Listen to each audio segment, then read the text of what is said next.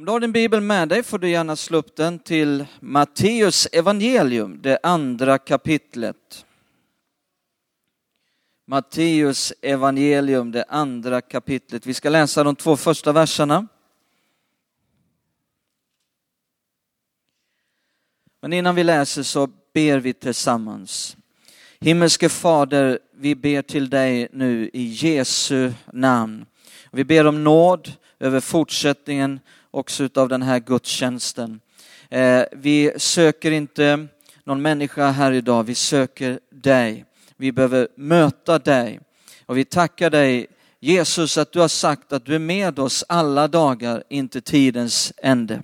Vi tackar dig att du är hos oss idag och jag ber för oss, jag ber för varje människa som har kommit hit idag att vi ska få möta dig, att vi ska få höra dig. Jag ber att du ska lysa upp vårt innersta med dina ord, att vi ska höra dina ord eh, som förvandlar, som förändrar, som hjälper, som bygger, som tröstar, som läker, som frälser. Låt dina ord eh, höras i våra hjärtan. Jag ber att jag ska kunna tala som jag bör. Jag ber att vi ska kunna lyssna som vi bör. I Jesu namn vi ber. Amen. Då står det här i Matteus 2 från vers 1. När Jesus var född i Betlehem i Judeen på kung Herodes tid, se, då kom visa män från östen till Jerusalem och frågade, var är judarnas nyfödde konung? Vi har sett hans stjärna gå upp och har kommit för att tillbe honom. Ehm, du vet, de här visa männen kan man eh, tala om inte bara på jul. Det är liksom inte tabu att tala om de visa männen eh, någon annan tid på året. Jag tyckte att det var vist att tala om de visa männen idag. Eh, här finner vi de visa männen eh, och eh, de slår an mitt tema. Är du med på vägen? Är mitt tema idag. Är du med på vägen? De här visa männen, de hade funnit vägen för att möta Jesus. Eh, hur var det överhuvudtaget möjligt för dem att kunna navigera sig fram till ett möte med Jesus? Ja, de följde en stjärna, står det. De följde ett ljus. Kan alla säga ljus? Det var det som gjorde att de till slut nådde fram till ett möte med Jesus. Eh, de kom inte fram på en gång. Nej, det var resan till mötet med Jesus, det tog tid. Det var en process. Och det här är en exakt bild på hur människor idag möter Jesus. I Hebreerbrevet i Bibeln, i det sjätte kapitlet, så, så står det talas om de människor till vilka ljuset en gång har kommit eh, och som sen smakar den himmelska gåvan. Så för att du ska kunna smaka den himmelska gåvan Jesus Kristus så måste först ljuset ha kommit. Är du med på det? Ljuset kommer först eh, och vägleder fram. Ehm, ett ljus som vägleder dig fram till Jesus, ett ljus som övertygar en människa om att den människan behöver göra Jesus till sin personliga frälsare och Herre. Ljuset kommer alltid först innan mötet med Jesus. Ehm, så var det för mig. När jag var 18 år så var det på något vis som att eh, jag förstod att om det är som de här kristna säger att eh, Bibeln är sann och Jesus lever och det här va. Om det är sant, ja då får jag inte reda på det här på mina fester. Jag var liksom en sån här som gillar att samlas och göra det man inte skulle göra. Och kunde väl ett 200 suparvisor minst. Tog fram gitarren när jag tyckte det var för tråkigt på festerna. Drog suparvisor och allt möjligt. Men till slut så börjar jag tänka på det här sättet. Att om det är sant som de kristna säger, att eh, Bibeln är sann, Jesus lever och, och det här. Ja, jag får inte reda på det här på mina fester utan jag måste, måste gå dit där de talar om Jesus och pröva det här.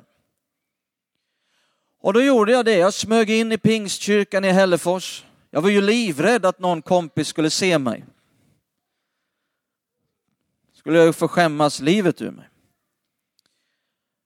Jag pratade med Dennis, min grabb, häromdagen och han skulle vara med på någon fest som någon klasskompis skulle ha här i Skövdetrakten.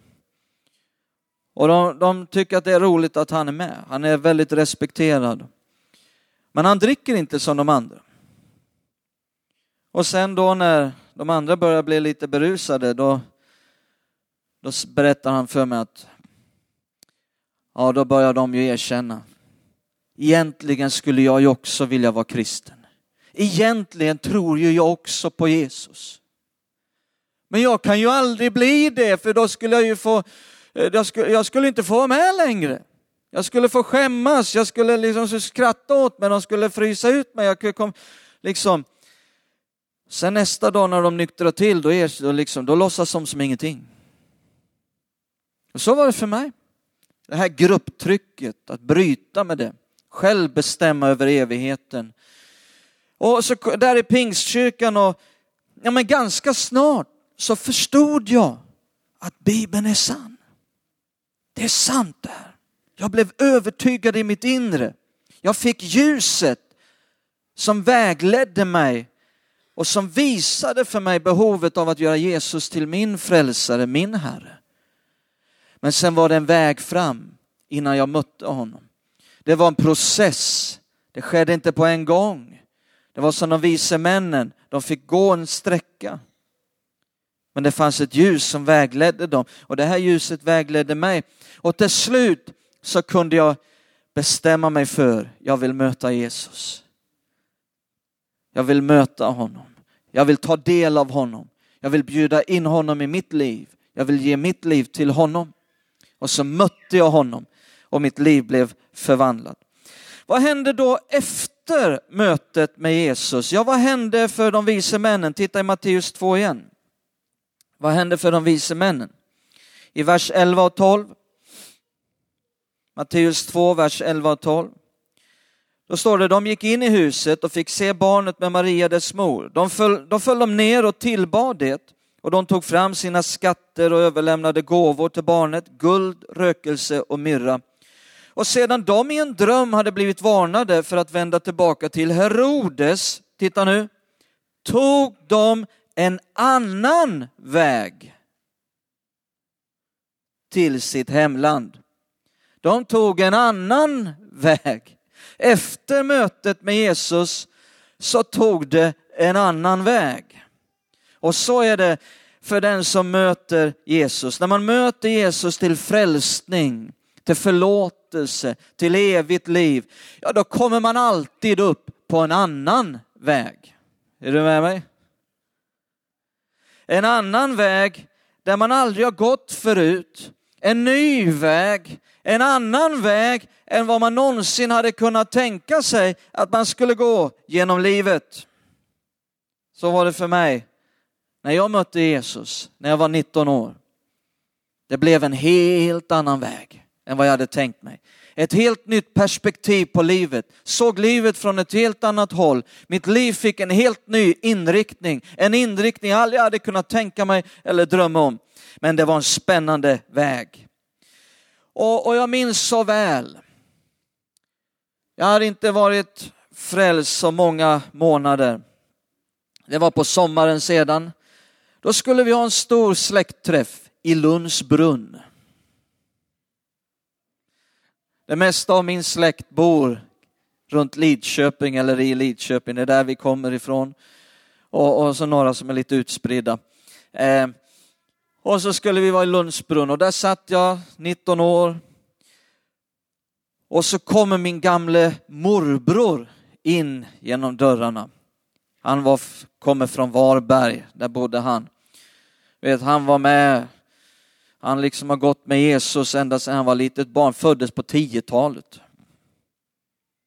Han var med redan på 40-talet, liksom, frontlinjen i Guds rike. Nu var han till åren kommen. Så kom han in genom dörrarna och så fick han syn på mig och så hade han hört talas om att jag hade gett mitt liv till Jesus. Så kom han fram till mig och så säger han, är du med på vägen? Ja, jag är med på vägen, sa jag. Bra, sa han. Så gick han vidare, sa inte ett ord till. Är du med på vägen? Jag tycker det är starka ord. De säger så mycket. Det var det han ville veta. Är du med på vägen? Det är min fråga till var och en här idag. Är du med på vägen? Jesus talar om den här vägen i Matteus 7. Vi bläddrar fram några, några sidor till Matteus 7. Härligt att det fortfarande finns prassel i bänkarna. Nu för tiden är det många som sitter med sin iPhone och det prasslar. Man kan faktiskt få den att prassla. Jag har hört, jag har hört om någon slags app, prasselappen. Vänligen använd den så jag får höra lite prassel. Matteus 7, vers 13. Matteus 7, vers 13. Jesus säger, gå in genom den trånga porten, ty den port är vid och den väg är bred som leder till fördärvet och det är många som går fram på den. Den port är trång och den väg är smal som leder till livet och det är få som finner den. Jesus talar om livets väg. Faktum är att vägen var det första namnet på Jesusrörelsen under den första kristna tiden. Det var det man kallade den kristna rörelsen. Det var inte baptister, metodister, cyklister och filatelister. Det var den vägen. Titta här ska du få se. Vi, vi kör några bibelställen här i Apostlagärningarna. Apostlagärningarna 9.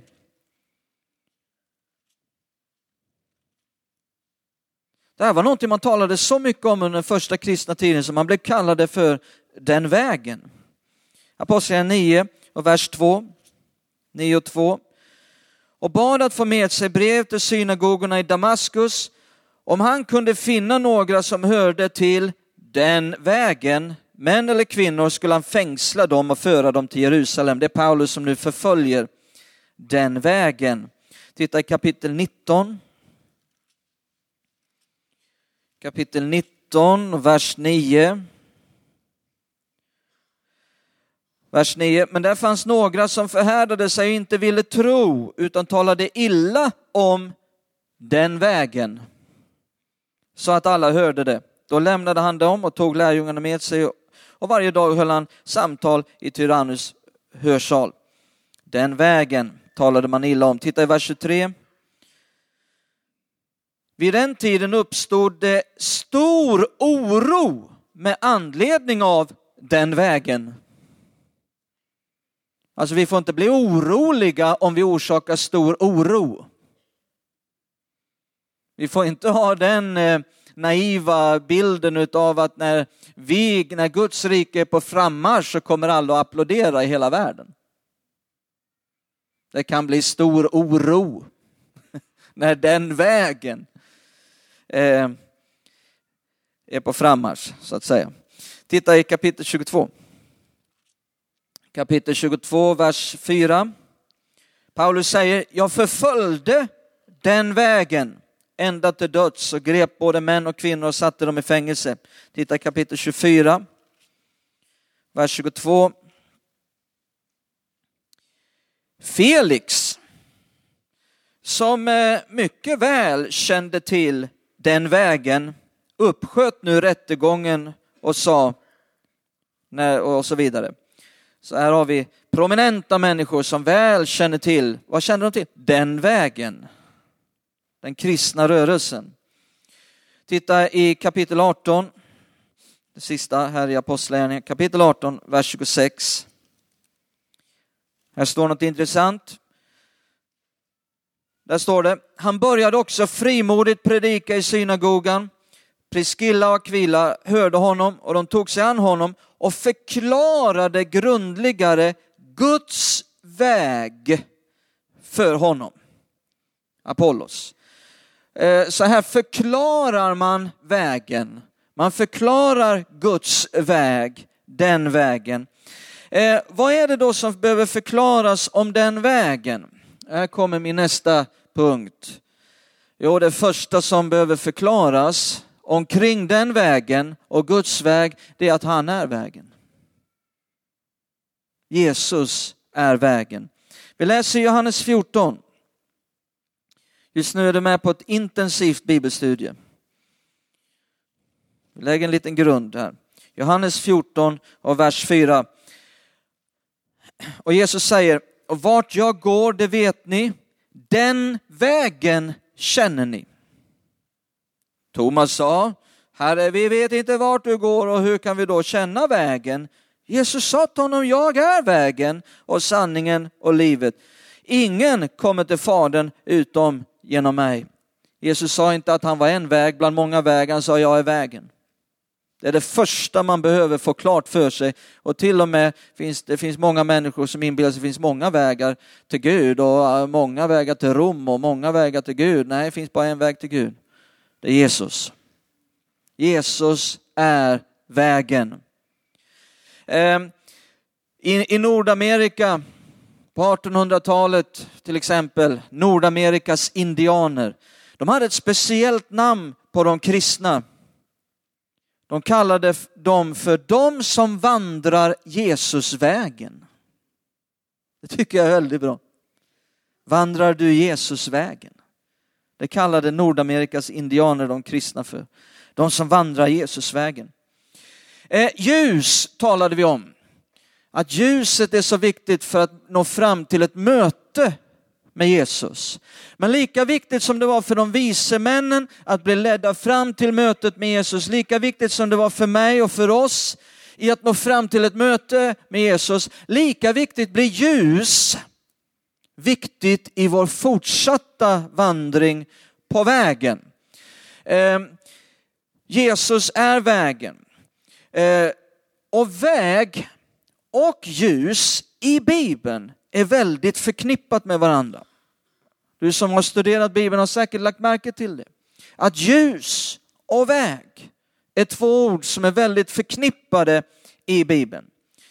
Eh, låt säga, låt oss eh, ta en, eh, en bild här, låt säga att du behöver hoppa ut ur ett flygplan med fallskärm. Mitt över Amazonas djungel. Inte bara det, det är mitt i natten. Det är becksvart. Men du gör ett tandemhopp och du är fasthakad i en kille som har fötts i Amazonas. Så nu, är det är något positivt i den här berättelsen. Som är född i Amazonas, vuxit upp i Amazonas djungeln. Han har vandrat där. Eh, och inte nog med det, utan han har också en stor ficklampa med sig. Och när ni sen landar så landar ni i tät, tjock djungel. Och det är becksvart. Du ser knappt handen framför ansiktet. Det enda du ser det är små ögon på lite avhåll som lyser i mörkret. Och du börjar förstå att ni är en vandrande middag i Amazonas. Vad gör du då? Om du är smart så säger du till den där killen, du och jag. I natt är det du och jag. Han är ju född i Amazonas. Han har vandrat där. Han kan skogarna. Han vet var ni är på väg. Han vet var ni ska. Han har en stor fet ficklampa dessutom och lyser med. Så du säger du och jag. I natt är det du och jag. Ursäkta om jag andas i nacken på dig. Säg till om du stannar för annars springer jag rakt in i dig. Om ni då kommer till ett vägskäl och han börjar plocka fram en macheta och så börjar han hugga. Och så säger du, Nej, men eh, du, eh, här borta eh, ser det ut som att det är lättare att komma fram. Där behöver inte du hugga någonting. Det finns en lättare väg här borta. Och han säger, håll dig hos mig. Du bör inte gå den vägen. Ja, men se, jag begriper ju också en del saker. Jag har ju faktiskt varit med i scouterna.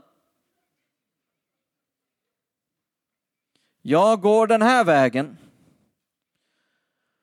Ja, och så går du den vägen in i mer och mer mörker och till sist så vet du inte ett dugg var du är. Och du säger Sven, vem skulle vara så dum och göra något sånt? Ja, miljontals människor varje dag gör så här. Jesus är vägen. Jesus har varit här på jorden och gått den här vägen på jorden långt innan du ens var påtänkt.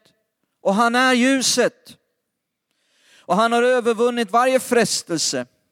Han var segerrik i varje strid här på jorden.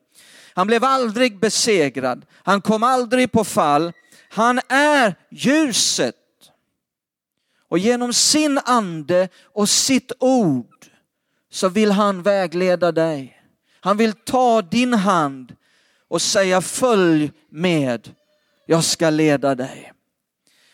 Eh, titta här på vilken vandring det blir i psalm 65. Åh, oh, jag älskar det här bibeln. Alltså, jag måste bara få läsa det här bibelstället. I psalm 65.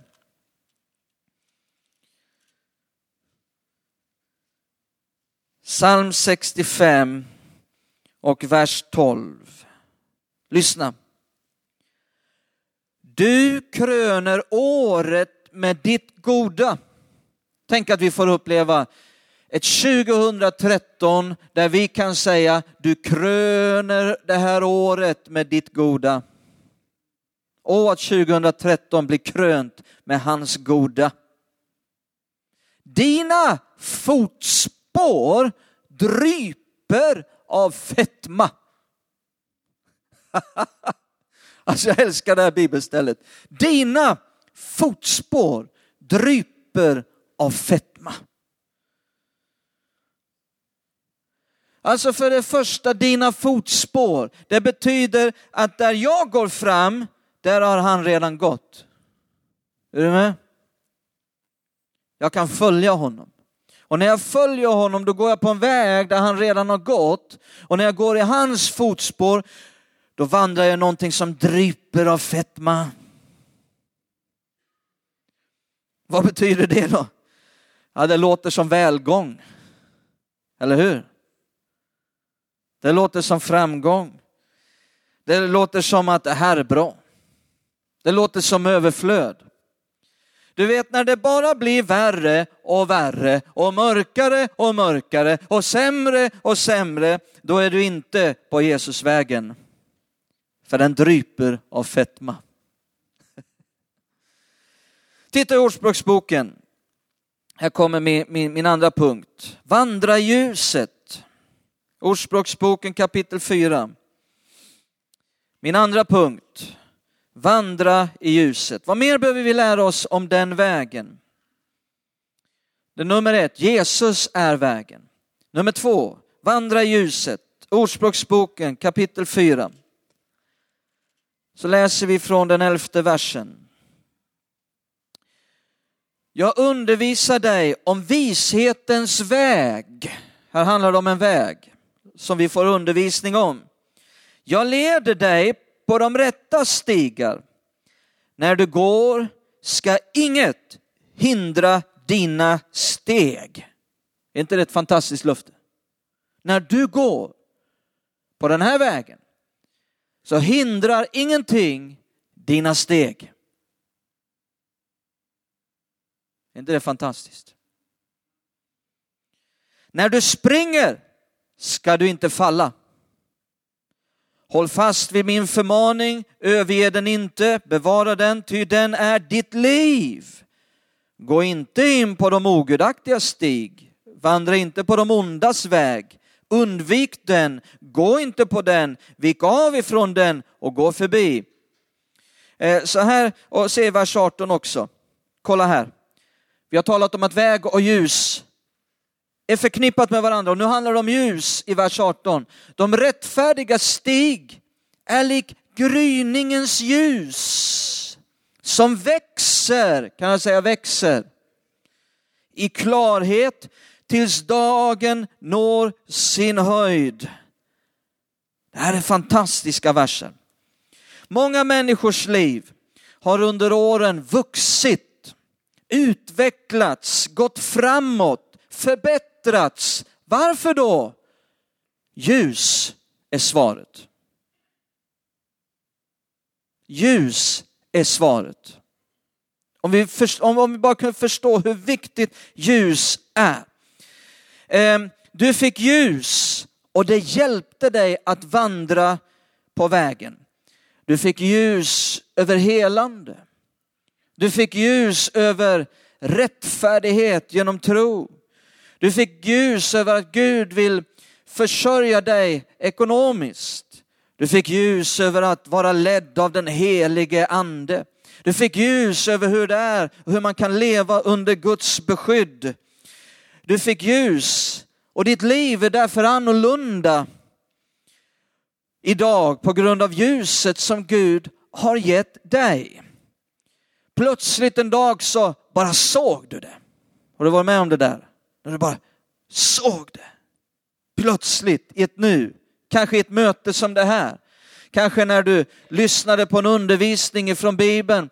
Kanske när du själv läste Bibeln. Eh, på något annat sätt som Gud gav dig ljus.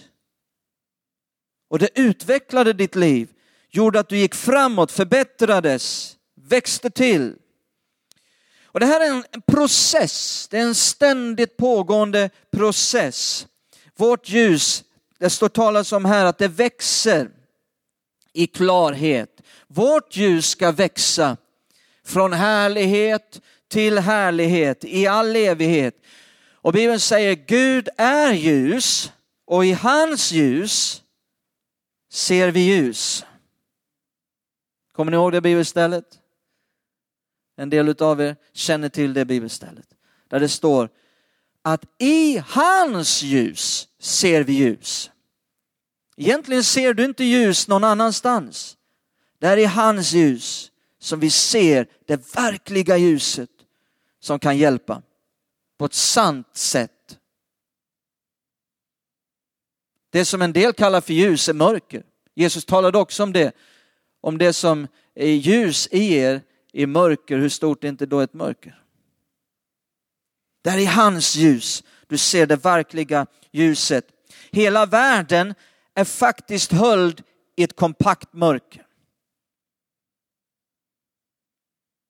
Hela världen är höljd i kompakt mörker. Det är därför man skriver alla de här böckerna på olika sätt. Varför är vi här? Temat. Vad är syftet? Man har olika teorier om det. Du vet, ingen doktorsgrad i världen kan ge det här ljuset vi talar om. Bara Jesus kan ge det. Inget klättrande över alla berg, inget resande över alla oceaner kan ge det här ljuset. Man försöker hitta vägen också i andra religioner. En del människor de kan eh, behandla sin kropp väldigt bryskt genom bryska ritualer. En del svälter sig nästan till döds. Allt för att försöka hitta stigen till att bli mer upplyst. Men vet du vad? Du kan aldrig bli upplyst genom dina egna ansträngningar. Du kan aldrig bli upplyst genom att leta i dig själv eller nå, djupt inom dig själv, söka inom dig själv. Jesus är ljuset. Han är ljuset. Han är den som ger ljus till alla. Herren sätter dig på vägen. Och om du bara förblir hos honom, som i den här bilden från Amazonas djungeln. Det är han som är guiden i Amazonas djungeln.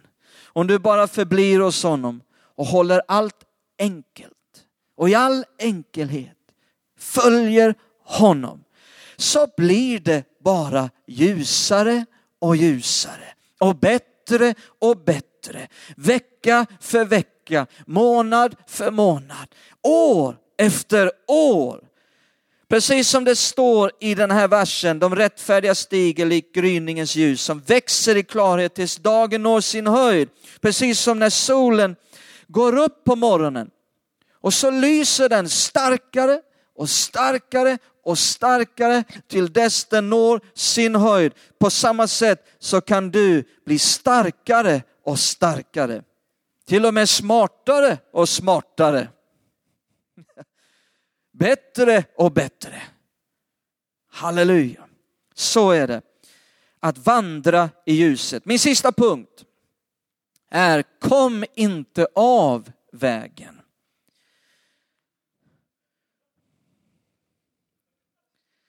Kom inte av vägen.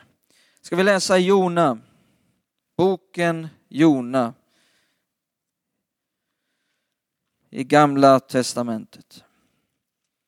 Jona, Mika, Nahum.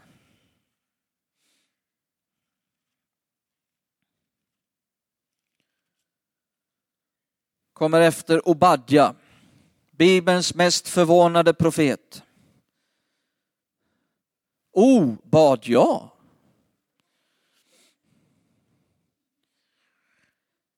Efter honom kommer Jona. Jona kapitel 1 från vers 1. Kom inte av vägen. Då står det så här, Herrens ord kom till Jona, Amitajas Amitajson. Han sa, stig upp och bege dig till Nineve den stora staden och predika mot dem, till deras ondska har kommit upp inför mitt ansikte. Men Jonas steg upp för att fly till Tarsis, bort från Herrens ansikte. Och han for ner till Jafo och fann där ett skepp som skulle gå till Tarsis. Han betalade för resan och steg sedan ombord för att fara med dem till Tarsis, bort från Herrens ansikte. Herren ville staden Nineve väl. Han ville ge nåd till staden. Men någon behövde gå dit och predika. Ehm, så han ville ösa sin godhet över Nineve. Han ville att Jonas skulle gå dit. Men Jonas tyckte inte om dem i Nineve. Så han ville inte vara med på det här. Han hade en annan väg han tyckte var bättre.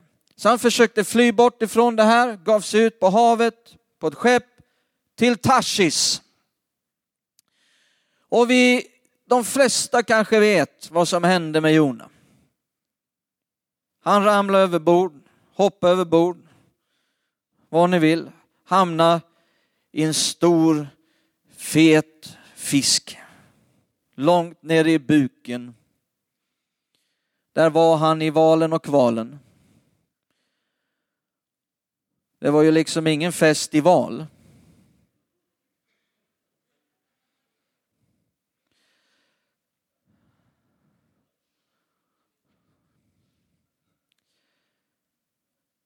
Och till slut så bestämde han sig för att lyda Gud. Blev uppkräkt på land. Och så gav han sig av till Nineve. På samma sätt eh, så har Gud en väg för dig. För varje människa. Men på kartan finns det också två platser för dig. Det finns det som är ditt Tashis. Och det finns det som är ditt Nineve. Tashis, det är den där staden, gör vad dig själv behagar. Det är den där staden på dina egna villkor. Men det är samtidigt en stad där det finns ingen sann glädje eller frid i ditt innersta. Det är samtidigt en stad där man inte ser Guds ansikte. Det är samtidigt en stad där du inte möter honom som vill vara din far, din pappa och du är hans barn. Men det finns också en annan stad och det är ditt Nineve. Det är platsen där du är mitt i Guds vilja. Det som Gud har tänkt för dig, där Gud vill ha dig, där du är i tjänst för Gud där du är tillfredsställd i att tjäna honom, där glädje och frid och harmoni flödar i hela ditt inre. Kom inte av vägen som Jona. Det blir ingen fest i val. Låt oss avsluta i Apostlagärningarna kapitel 13. Så ska vi se på någon som försökte förhindra Herrens väg. Förhindra vägarna. Och någon att gå på vägen. Ett väldigt intressant bibelställe. Starkt, kraftfullt bibelställe. Apostlagärningarna 13 och vers 8. Paulus, han är på Sypen och så är han där och undervisar och talar det goda budskapet, evangeliet om Jesus. Men så finns det en trollkar här, han heter Elimas. Trollkaren i vers 8. Paulus möte med Elimas, trollkaren. I vers 8 står det, men Elimas, trollkaren, det är vad hans namn betyder, gick emot dem och försökte hindra landshövdingen från att komma till tro. Paulus är nära på att vinna landshövdingen för Guds rike. Landshövdingen är nära att bli frälst här och fattat beslut att ta emot Jesus. Men den här trollkaren vill hindra detta. Då står det i nästa vers, i vers 9. Saulus, som även kallades Paulus, uppfylldes då av den helige ande och spände ögonen i honom. Och sa, du djävulens son. Här var det ord och inga visor. Du djävulens son. Full av allt slags svek och bedrägeri. Du fiende till allt som är rätt. Skall du aldrig upphöra att, vadå? Förvränga Herrens raka vägar. Förvränga Herrens raka vägar. Det handlar om väg här, som är raka. Eh, Se, nu kommer Herrens hand över dig och du ska bli blind en tid och inte kunna se solen. I samma ögonblick föll ett totalt mörker över honom. Han som ville förvränga vägar kom ett mörker över honom. Han gick omkring och sökte efter någon som kunde leda honom. När landshövdingen såg det som hände kom han till tro, slagen med häpnad över Herrens lära. Alltså det är härligt när läran slår folk med häpnad. Då är det inte bara torr undervisning, det händer grejer. Så här ser vi djävulens försök att hindra Herrens raka vägar, att det blev istället byggmaterial för landshövdingen att komma till tro på. Det är härligt på något sätt. Så helt enkelt, ut med livets väg så finns det många tillfällen då man kan komma av vägen. Avfarter helt enkelt. Det finns avfarter på livets väg. Och vid varje sån här avfart, där står djävulen med stora reklamskyltar, med vägskyltar, med högtalare, vik av, sväng av, kom in här, här är det bra. Och försöker få dig in på en avfart.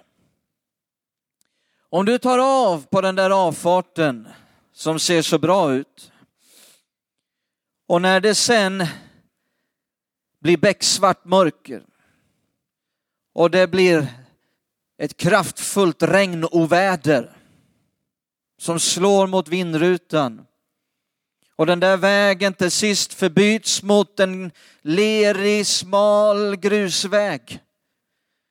Och det ramlar träd över vägen och till sist så bara kör du rakt in och förstärvar både bil och motor och du blir överfallen av rövare och tjuvar och till sist så står du där halvnaken och huttrar i kylan.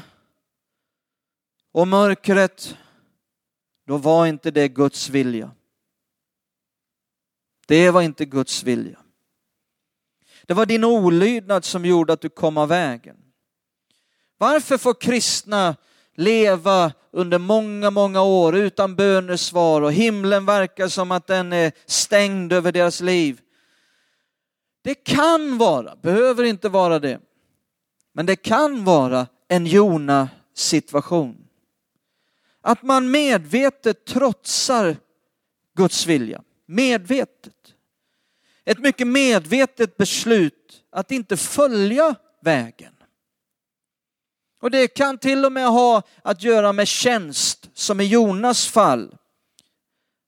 Att man trotsar det man vet är Guds vilja. Nej, håll dig istället på vägen. Det är en underbar väg. Håll dig på vägen och kör fram på den rätta vägen. Då eh, får du komma genom andra orter än den där orten vi ser där, som avfarten leder till. Då får du komma genom andra platser som eh, Välgångsköping. Det är fina orter att åka igenom. Eller Helandetuna. Får man åka igenom. Eller Befordranstorp. Där du blir befordrad i Guds rike. Eller Glädjeby.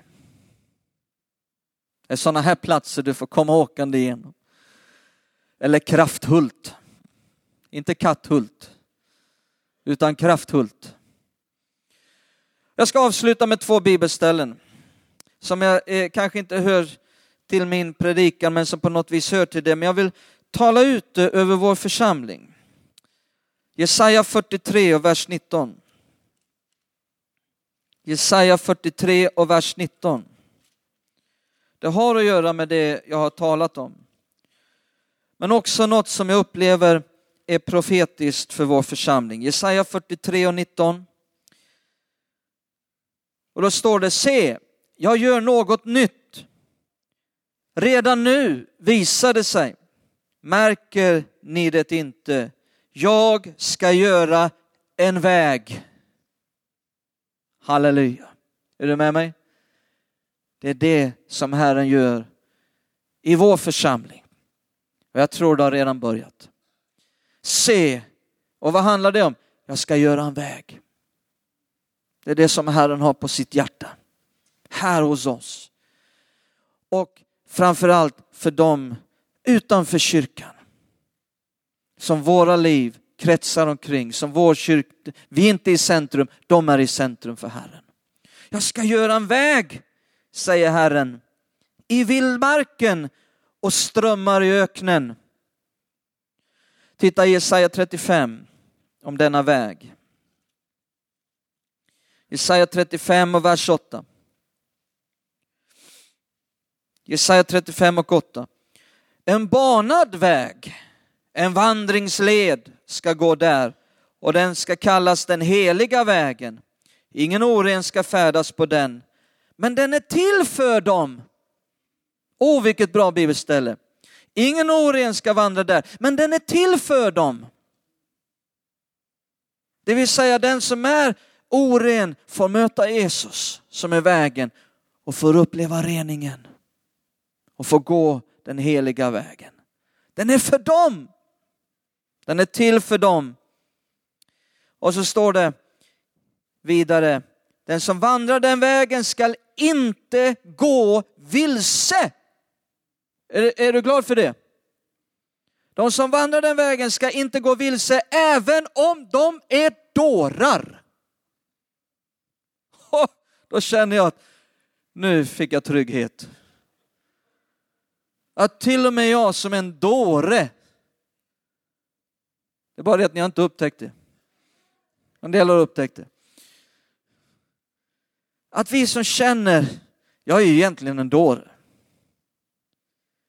Jag ska heller inte gå vilse. Det är till för de orena, det är till för dårarna att de ska kunna vandra i trygghet och renhet. Det är den här vägen som idag Herren håller på att bereder.